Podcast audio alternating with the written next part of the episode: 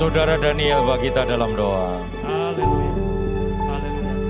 Bapak kami yang banyak juga terima kasih bagian bersyukur Tuhan.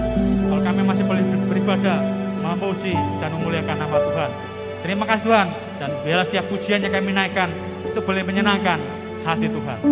Tuhan, sebentar kalau kami akan mendengarkan firman-Mu, urapi hati, pikiran, telinga roh kami Tuhan, supaya kami boleh dengar dengarkan firman-Mu. Kami boleh mengerti firman-Mu. Dan kami belajar melakukan firman-Mu. Hamba-Mu yang akan menyampaikan firman-Mu, Tuhan urapi supaya apa yang keluar lidah bibirnya kuasa Tuhan yang bekerja. Terima kami kasih. siap mendengarkan firman Tuhan di dalam nama yang indah Tuhan kami Yesus Kristus. Haleluya. Amin. Amin. Puji Tuhan. Silakan duduk. Selamat pagi. Selamat kita boleh kembali bertemu dalam kasih Tuhan Yesus Kristus. Bapak Ibu Saudara diberkati pada pagi yang indah ini. Amin. Allah yang kita sembah adalah Allah yang ajaib, yang luar biasa, yang boleh menolong kita semua. Tetap semangat, tidak boleh kendor melakukan prokes, walaupun sudah mulai melandai ya, tetapi protokol kesehatan harus dijalankan. Pemerintah akan eh, membawa pandemi ini kepada endemi ya artinya bahwa endemi itu sudah tidak lagi dijadikan menjadi satu penyakit yang mewabah tetapi seperti penyakit biasa.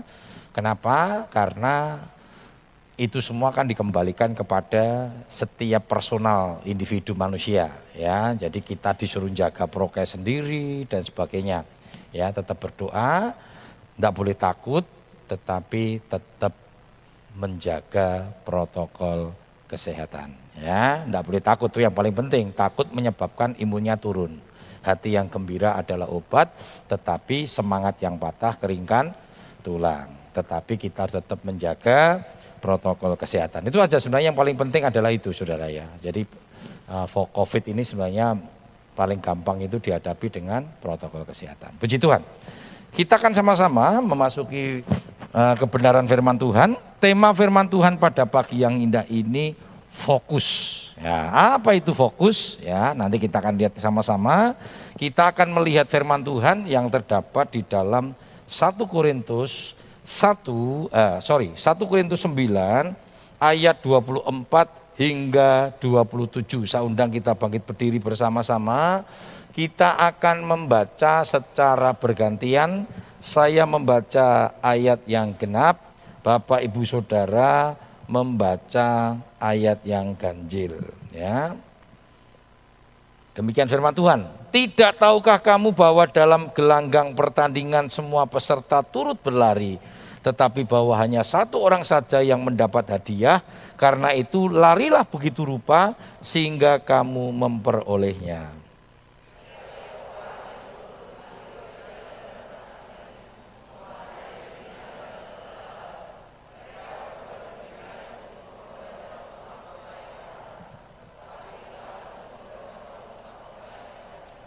Sebab itu aku tidak berlari tanpa tujuan dan aku bukan petinju yang sembarangan saja memukul.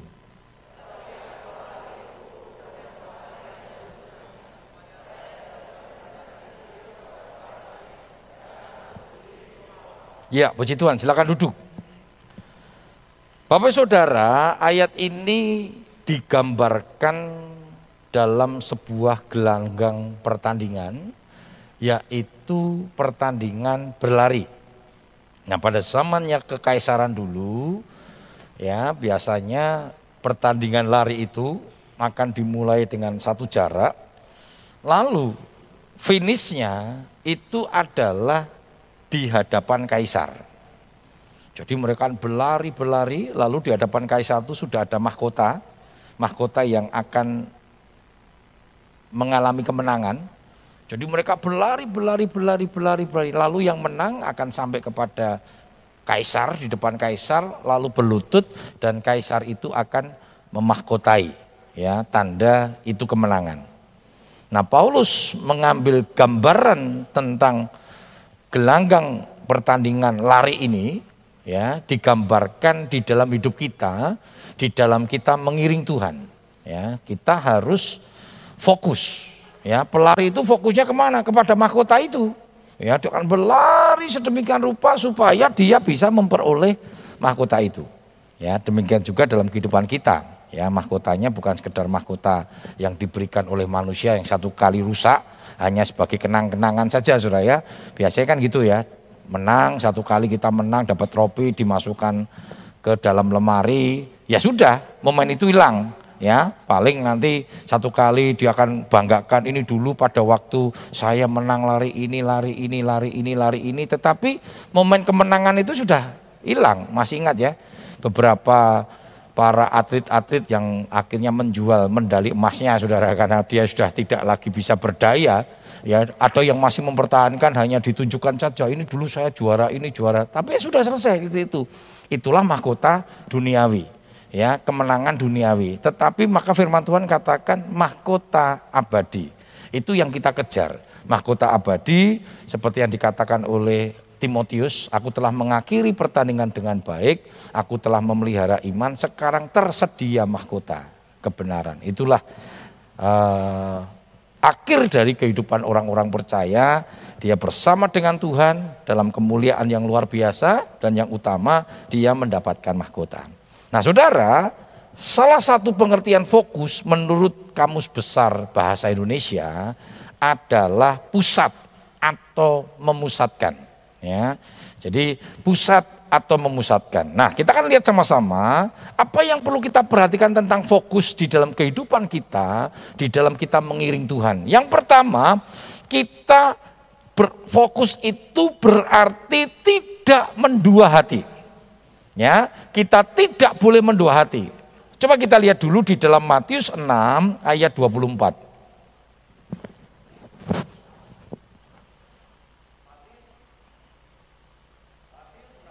Ayat ke-24. Tak seorang pun dapat mengabdi kepada dua tuan, karena jika demikian, ia akan membenci yang seorang dan mengasihi yang lain, atau ia akan setia kepada yang seorang dan tidak mengindahkan yang lain. Kamu tidak dapat mengabdi kepada Allah dan kepada Mamon. Iya. Di dalam pengiringan kita kepada Tuhan, kita tidak boleh mendua hati. Kenapa? Allah kita Allah yang cemburu, saudara. Masih ingat di dalam hukum Taurat yang utama, yang pertama, dikatakan jangan ada Allah lain di hadapanku.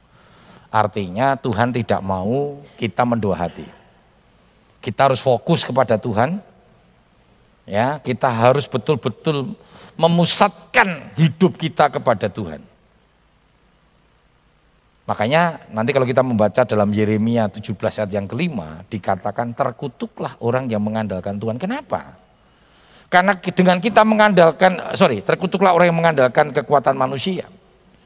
Kenapa sudah dengan kita mengandalkan kekuatan manusia sama saja kita ini mendua hati. Kita merasa tidak perlu kepada kekuatan Tuhan. Maka dikatakan terkutuk. Nah, Tuhan mau kita di dalam pengiringan kita kepada Tuhan. Kita tidak mendua hati ya. Dikatakan di sini tidak boleh kita kepada Allah atau kepada Mamon. Ya, kepada Allah, kepada Mamon. Firman Tuhan ingatkan kepada kita ya di dalam Matius 6:33, carilah dahulu kerajaan Allah dan kebenarannya, maka segala sesuatu akan ditambahkan kepadamu. Uang itu Mamon bicara uang, bicara tentang duniawi, materi. Uang tidak pernah salah, Saudara. Uang bukan akar dosa. Tetapi akar dosa itu adalah cinta uang. Nah ini yang masalah. Uang perlu saudara. Tidak punya uang nggak bisa datang ibadah saudara. Betul? Tidak bisa. Ke sini ke gereja itu ya perlu biaya. Numpak, ben, eh, numpak bensin. Numpak motor ya. Naik motor perlu bensin. Apalagi bensinnya mahal saudara. Mobil saya ini kebetulan saya pakai minyaknya itu minyak yang tidak bersubsidi. Ya. Kan tujuannya kan gitu Saudara ya, yang tidak bersubsidi ya nek iso jangan bersubsidi. Ya saya mentaati pemerintah Saudara. Saya pakai mobil, mobil saya kebetulan solar. Solar itu murah Saudara. Mangewu berapa ya? 5000 berapa. Nah, kebetulan saya ini naik apa pakai BBM-nya itu yang tidak bersubsidi Pertamina Dek, saudara. Walah, waktu naik yang pertama dari 10 ribu berapa ke 13 ribu, waktu itu kami sedang perjalanan tim misi ya. Terus sempat ngobrol-ngobrol ya, ada satu anggota tim misi ngomong gini, Om, ini Pertamina Dek naik ya Om. Enggak tuh, saya bilang, karena saya enggak, enggak perhatian saudara. Cuma sama cuma batin ya, waktu pagi saya ngisi, ngisi karena itu pakai mobil mobil mobil saya ya untuk pergi ke sana. Separuh kok biasanya nggak segini kok larang ya maksud saya. Apa saya salah lihat di jarum jarumnya itu ya mungkin sudah kosong ya. Ya saya sih orangnya nggak pernah mikir saudara. Ya saya kadang lupa ya ditanya misalnya tol. Tol uh, apa namanya Solo Tigo Semarang Piro yo? Waduh saya itu orangnya nggak pernah itu pokoknya tempel mangkat saudara.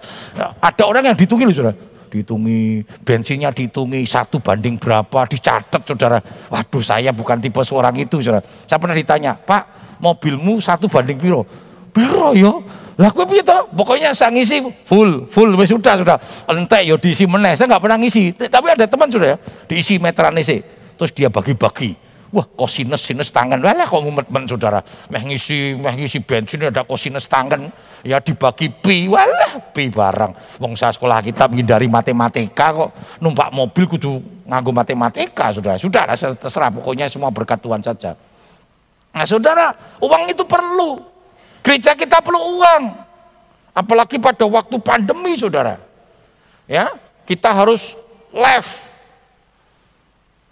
Wah, itu kan tidak gampang selama ini direkam, ya, lalu diedit itu kan gampang.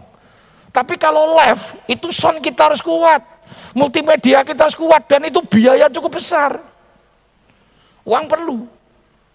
Tetapi firman Tuhan katakan dalam Timotius jangan cinta uang. Karena Tuhan sudah kasih tahu. Uang itu perlu. Dan percaya saudara. Ketika engkau sungguh-sungguh sama Tuhan, Matius 6:33, cari dulu kerajaan Allah, maka semuanya akan ditambahkan.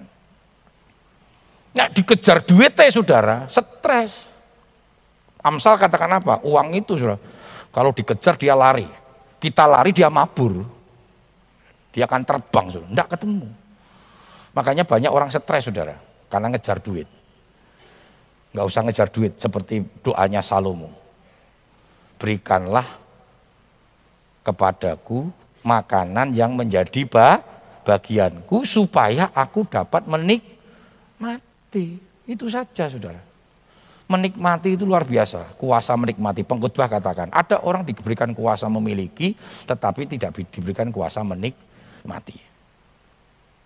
Tetapi menjadi doa kita supaya kita bisa menikmati berkat Tuhan. Berkat Tuhan kan tujuannya untuk dinikmati saudara. Nah saudara, Ya, ada hal yang lain lagi yang sering kali mendua antara apa Saudara? Antara daging dan roh. Tuhan mau enggak mau mendua hati Saudara. Saudara mau roh atau daging? Dan antara keinginan daging dan roh itu bertentangan. Coba kita lihat sama-sama dalam Galatia 5:17. Ayat ke-17. Sebab keinginan daging berlawanan dengan keinginan roh dan keinginan roh berlawanan dengan keinginan daging. Karena keduanya bertentangan, sehingga kamu setiap kali tidak melakukan apa yang kamu kehendaki. Berarti kan sudah keinginan daging itu bertentangan dengan keinginan roh. Nanti Galatia ya, 5:19 dan 5 ayat 22 itu dikatakan jelas perbedaan antara keinginan daging. Kalau daging pencemaran, hawa nafsu, percideraan. Keinginan roh itu apa saudara? Ya, buah roh itu adalah kasih. Lalu karakter kasih itu sabar, lemah lembut dan sebagainya itu e, paralel dengan 1 Korintus pasal 13. Nah saudara mau ke mana saudara? Dagingnya yang lebih diutamakan, makanya doa Tuhan Yesus di Taman Getsemane ketika dia mengajak murid-muridnya untuk berdoa dan ternyata murid-muridnya tertidur. Tuhan katakan apa? Roh penurut tapi daging lemah. Maka daging itu harus dimatikan terus firman Tuhan. Matikan akinan daging. Diajar. Kita harus mengajar keinginan daging ini sudah kan daging itu lemah. Keinginan daging itu luar biasa ya. Yang menyebabkan kejatuhan manusia itu ada tiga kan. Keinginan daging, keinginan mata dan keangkuhan hidup. Karena itu kita harus fokus, tidak mendua hati. Fokus kepada Tuhan. Minta terus kepada kekuatan Tuhan. Kekuatan kita memang lemah saudara. Karena lemah, kita sadar lemah, karena itu kita mau andalkan kekuatan Tuhan. Yang kedua, fokus berarti melihat ke depan. Tidak boleh menyimpang ke kanan dan ke kiri. Filipi 3 ayat 13 hingga 14.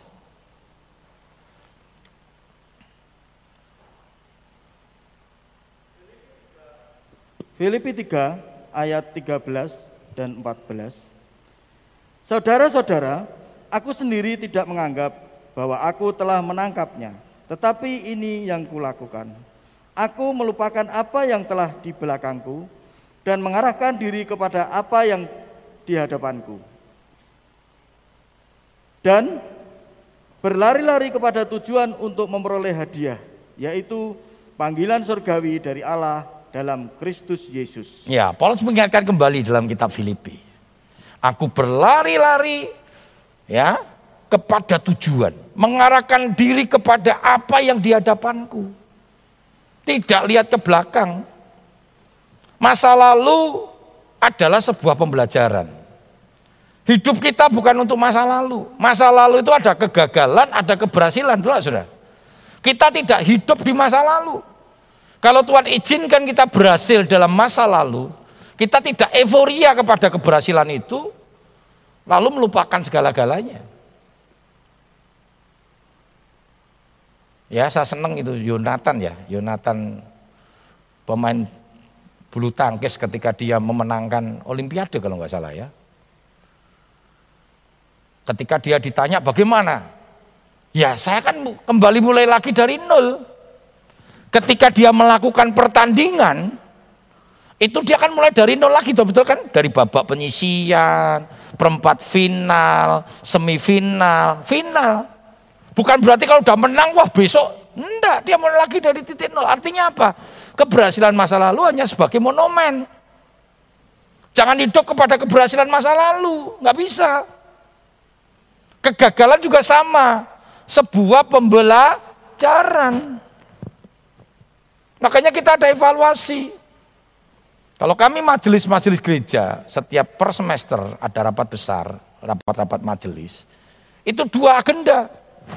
Yang pertama mengevaluasi kerja kita, yang kedua mengagendakan kerja ke depan. Masa lalu sebuah evaluasi. Kalau sudah gagal ya sudah mau apa? Kita menjadi pembelajaran kenapa gagal? Oh karena gagal itu karena kesalahan kita, kita nggak taat sama firman Tuhan. Menjadi evaluasi karena itu taatlah kepada kebenaran firman Tuhan. Kalau kegagalan ternyata Tuhan izinkan terjadi untuk melihat satu rancangan Tuhan yang indah, nikmati saja. Tapi kalau itu keberhasilan, kita tidak boleh euforia. Karena hidup kita bukan untuk masa lalu, hidup kita untuk ke depan. Dan iman kita harus kita pertahankan saudara. Maka tadi kan fokus terus mandang. Kita belum sampai kepada titik titik titik titik finish kita.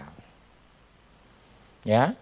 Dan dalam perjalanan ini wah kekuatan duniawi, kekuatan daging, kekuatan setan itu ingin menggagalkan kita untuk kita bisa menyelesaikan pertandingan itu dengan baik.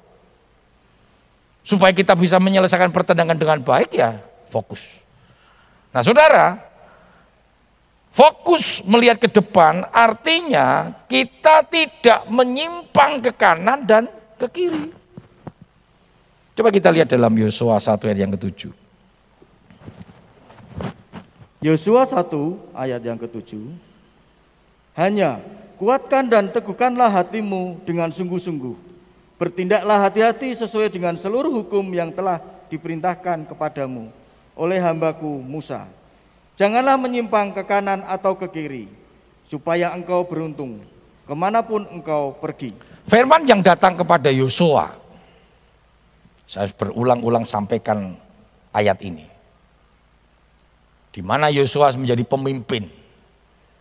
Memimpin bangsa yang tegar tengkuk. Bangsa Israel. Bangsa yang sering melawan Tuhan, bangsa yang sering kali menyimpang ke kanan dan ke kiri.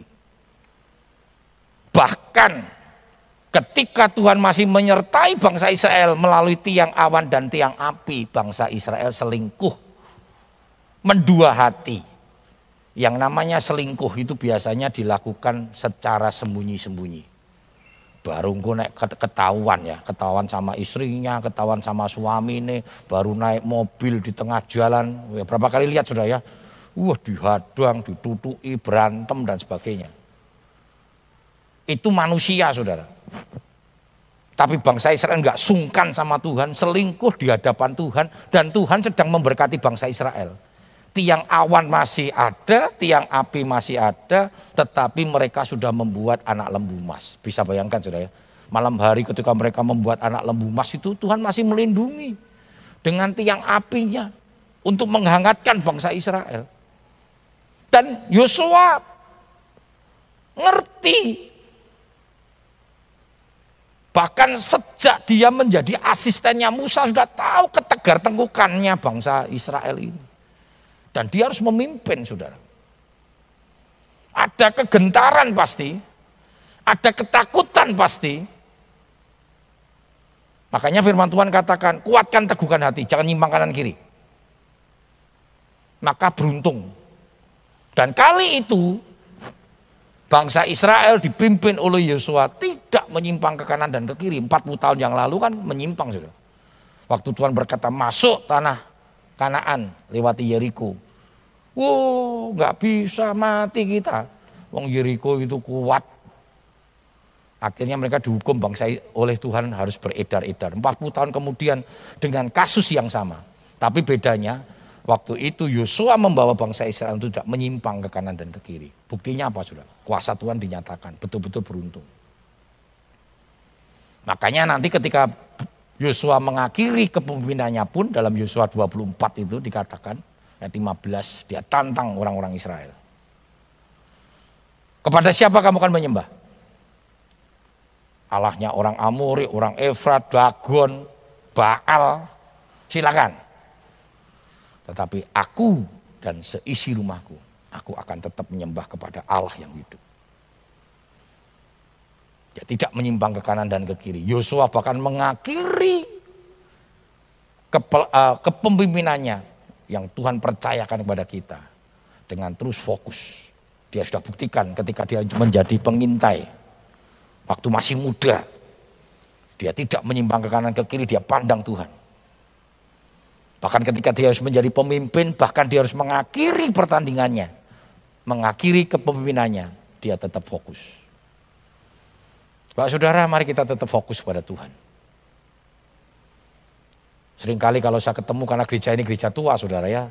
Tahun 1927. Kurang lebih saudara. Seringkali kalau saya pas ketemu di jalan apakah itu makan atau apa. Ternyata saya terkenal juga ya saudara. Oh Agus ya? Wah, ngerti saudara. Siapa ya? Saya bilang. Ternyata gaungnya banyak yang tahu saudara ya.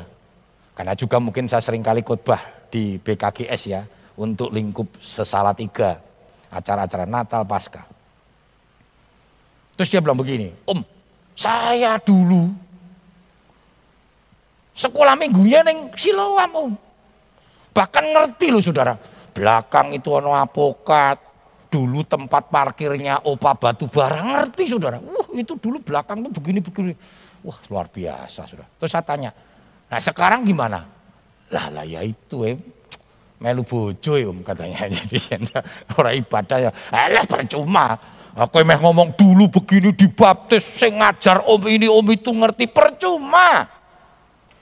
Kamu tidak menyelesaikan pertandingan dengan baik Saudara jangan sampai kita tidak menyelesaikan pertandingan kita. Memang dalam menjalani hidup ini banyak tantangan, banyak persoalan. Bapak Saudara yang bertahan sampai hari ini, kalau boleh cerita ya banyak jemaat-jemaat yang bertahan sampai hari ini sejak dari sekolah minggu di sini, remaja, pemuda, bahkan sekarang wis melu ibadah usia anugerah Saudara.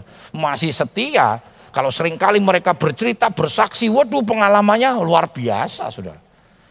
Secara manusia itu mengerikan. Tetapi buktinya mereka bertahan, kenapa? Karena fokus. Karena Tuhan tidak pernah membiarkan kita. Amin. Fokus saja. Dan berkat Tuhan masih berlaku dalam hidup kita. Yang ketiga, fokus berarti Yesus menjadi pusat hidup. Ya ini sering kali kita tidak menjadikan Yesus pusat hidup saudara. Sehingga goyang. Bangsa Israel tidak menjadikan Tuhan pusat hidup. Goyang, ada masalah goyang. Berapa banyak saudara? Karena persoalan tinggalkan Tuhan cari alternatif. Loh kita sudah ketemu dengan Tuhan yang dahsyat, Tuhan yang luar biasa, yang mampu mengatasi segala sesuatu. Bahkan firman Tuhan katakan bagi Tuhan tidak ada yang mustahil. Kok cari kekuatan-kekuatan yang masih banyak mustahil, saudara. Berapa banyak itu? Sehingga kita tidak menjadikan Tuhan Yesus itu pusat hidup. Mari kita melihat dalam Ibrani 12 ayat yang kedua. Ibrani 12 ayat yang kedua.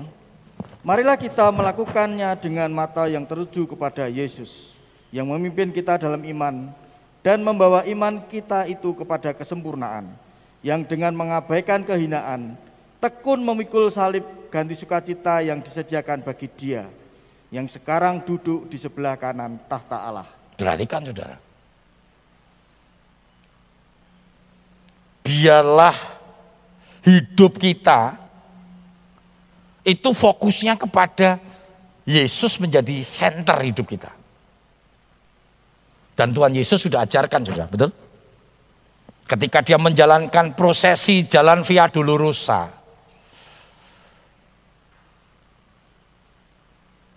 Fokusnya ke mana sudah? Fokusnya ke Golgota sudah. Yesus fokusnya ke Golgota, dia selesaikan itu. Dia selesaikan tugasnya. Makanya ketika Tuhan meninggal dunia, apa yang dia katakan? Tetelestai. Sudah genap. Sudah selesai. Sudah lunas. Tuhan sudah mengerjakan tugasnya, kewajibannya. Sudah digenapkan. Mari kita seperti Tuhan Yesus yang mengakhiri pertandingan kita satu kali nanti. Kita berkata, sudah selesai. Tuhan yang tahu selesai kita, saudara. Jadi jangan cari mati, tetapi juga jangan takut mati. Mati urusan Tuhan, urusan kita hidup. Nah kalau hari ini kita hidup berarti kesempatan. Hidup ini adalah kesempatan. Mari kita gunakan kesempatan ini. Pergunakanlah waktumu, karena waktu-waktu ini adalah jahat. Jangan seperti orang bebal, tetapi seperti orang arif. Bebal itu orang yang jatuh kepada satu kesalahan yang sama, atau sudah ngerti salah, jatuh sudah ngerti narkoba itu tidak akan pernah membawa kepada kehidupan yang menyenangkan. Masih ada sampai hari ini. Ini kan orang bebal, orang-orang bodoh. Sudah. Mungkin bukan orang bodoh. Sudah. Orang bodoh memang ya, apa ya? Memang bodoh, orang tidak ngertian. Tapi orang bebal ngerti. Sudah tahu selingkuh itu tidak pernah membawa kepada kebahagiaan. Saya pernah ngonsling orang selingkuh, saudara datang ke rumah, suaminya ketahuan. Ini ngeyel sudah. Sampai saya ngomong gini, om ini nih orang bertobat ajar kamu. Waktu saya konseling saudara, piye kamu, stres enggak? Stres om. Lah kok stres selingkuh? Lah ya itu om. Bisa enggak om doakan saya? Doakan piye? Doakan om supaya istri saya ini berubah. Maksudmu piye? Menerima selingkuhan saya. Wow, saya sampai bilang gini, nek saya orang bertobat tak ajar mati kowe. Saya ngoploki kowe apa bisa saya bilang. Untung om bertobat. Orang kok kurang ajarnya saya bilang. Istrinya baik, cantik, kaya. Wes kowe elek saya bilang. Diangkat kok malah selingkuhan. Selingkuhanmu kan mau sama kamu goro-goro hartanya istrimu saya bilang. Naik gue rasuke mana mau saya bilang. Bertobat kamu saya bilang. Nah inilah manusia saudara. Sudah ngerti bebal. Sudah ngerti itu membawa kepada ganjil. Enggak ada saudara. Dosa itu tidak pernah membawa kepada damai sejahtera. Dosa itu membawa pada malapetaka. Dosa itu akan menghancurkan. Kuncinya cuma satu. Bertobat. Kembali kepada Tuhan. Fokus kepada Tuhan. Maka hidupmu akan diberkati dan dipulihkan. Itulah bedanya Daud dengan Saul. Saul berdosa ditegur oleh Samuel, saudara. Samuel pada waktu nabi yang besar, nabi yang ngurapi dia, ngengkel, ngeyel, bandel. Makanya sudah lihat tuh hidupnya Saul. Hancur sudah. Matinya pun mengerikan. Tapi Daud. Daud itu berbuat dosa. Saul nggak selingkuh loh sudah. Daud ini dosanya mengerikan. Persinahan. Tapi bedanya apa saudara? Waktu ditegur oleh Nathan, Nathan ini nabi yang kecil. Nathan pun ngomong toh, waktu aku negur Daud ini, wow mati bisa. Ketika raja nggak seneng bilang, penggal kepala, nggak ada hukumnya dia dihukum saudara. Semua nuruti penggal. Tapi waktu Nathan nabi yang kecil, yang tidak terkenal, bukan Samuel saudara. Kalau Samuel hormat. Tapi Nathan nabi kecil waktu tegur, hancur hati dia, nangis dia bertobat saudara. Ini bedanya saudara. Ya mungkin satu kali kita kilap berbuat dosa. Bukan berarti saya melegalkan dosa. Bertobat minta ampun, Tuhan pulihkan. Maka firman Tuhan katakan, dosa semerah kermisi disucikan seputih salju.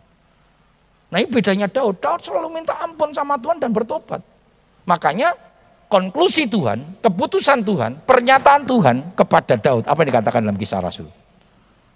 Daud adalah orang yang berkenan kepada Tuhan. Daud adalah orang yang melakukan kehendak Tuhan pada zamannya. Luar biasa, saudara. Satu kali kita mungkin karena kekilafan kita berbuat dosa, jatuh dalam dosa. Bertobat, minta ampun sama Tuhan. Dan kembali fokus kepada Tuhan, Tuhan ampuni. Saudara, Yesus menjadi pusat, berarti orang percaya harus hidup seperti Yesus. Filipi 2 yang kelima.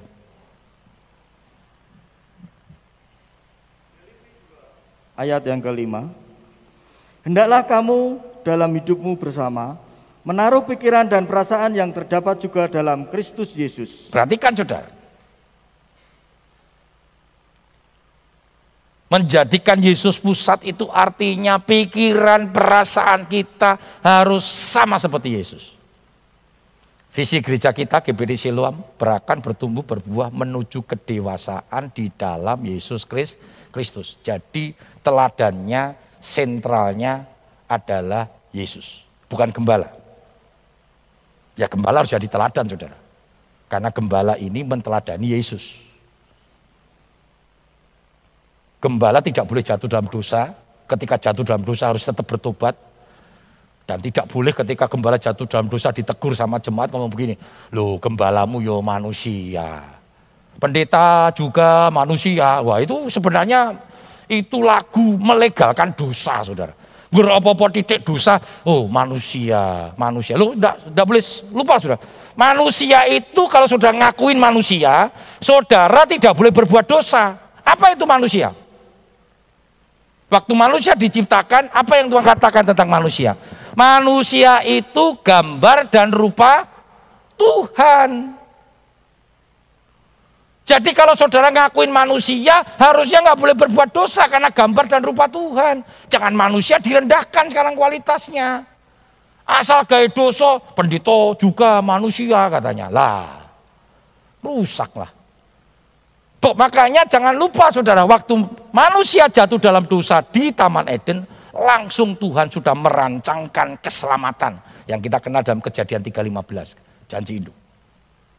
Dan dikenapi ketika Yesus mati. Kenapa Yesus sampai mati ke dalam uh, mati untuk menebus dosa kita? Karena manusia itu ciptaan Tuhan yang tidak boleh berbuat dosa. Jadi kalau saudara sering berbuat dosa, jangan ngaku manusia. Masih manus itu, belum sia saudara. Ya, jadi jangan merendahkan kualitas manusia. Manusia itu gambar dan rupa Tuhan.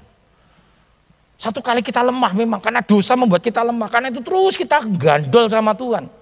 Kita terus fokus melihat pada Tuhan. Termasuk pendeta saudara. Termasuk hamba-hamba Tuhan harus fokus. Gak boleh sombong. Makanya kesombongan itu menghancurkan. Ingat Nebukadnezar sudah. Hancur lagi. Kita harus merendahkan hati di hadapan Tuhan. Kita merasa kita perlu Tuhan. Karena itu jadikan Yesus pusat. Menjadikan Yesus teladan di hidup kita. Sehingga nama Tuhan boleh dipermuliakan dan diagungkan. Puji Tuhan saya tidak panjang lebarkan firman Tuhan. Mari pagi yang indah ini kita fokus. Tidak mendua hati. Kita terus fokus melihat ke depan. Yang ketiga, jadikan Yesus menjadi pusat hidup kita. Bapak Agus Sudarta bagi kita dalam doa.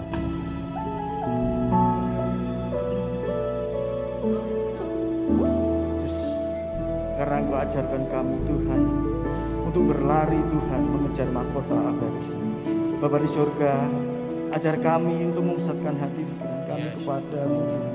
Tertuju kepada Engkau ya Yesus. Hambamu boleh berhenti bicara. Tetapi firmanmu tinggal dalam hati kami. Semua jemaatmu yang ada di tempat ini Tuhan. Urapi Tuhan, ajarkan kami Tuhan. Untuk tidak mengandalkan kekuatan kami, kemampuan kami Yesus. Kami tahu Tuhan, kami tidak akan mendua hati. Kami akan tetap setia kepada Engkau Yesus. Ajar kami, terlebih Tuhan, seluruh jemaatmu di tempat ini Tuhan. Ajar kami untuk setia kepada Engkau, tidak mendua hati. Dan kami percaya Tuhan, karena kami yakin Yesus, kami rindu Engkau hadir di tengah-tengah kami. Bapa di surga, ajar kami untuk tidak mempunyai keinginan daging, keinginan mata, dan keangkuhan hidup. Tapi kami percaya Yesus, Engkaulah sumber, Engkaulah pusat dari hidup kami Bapak.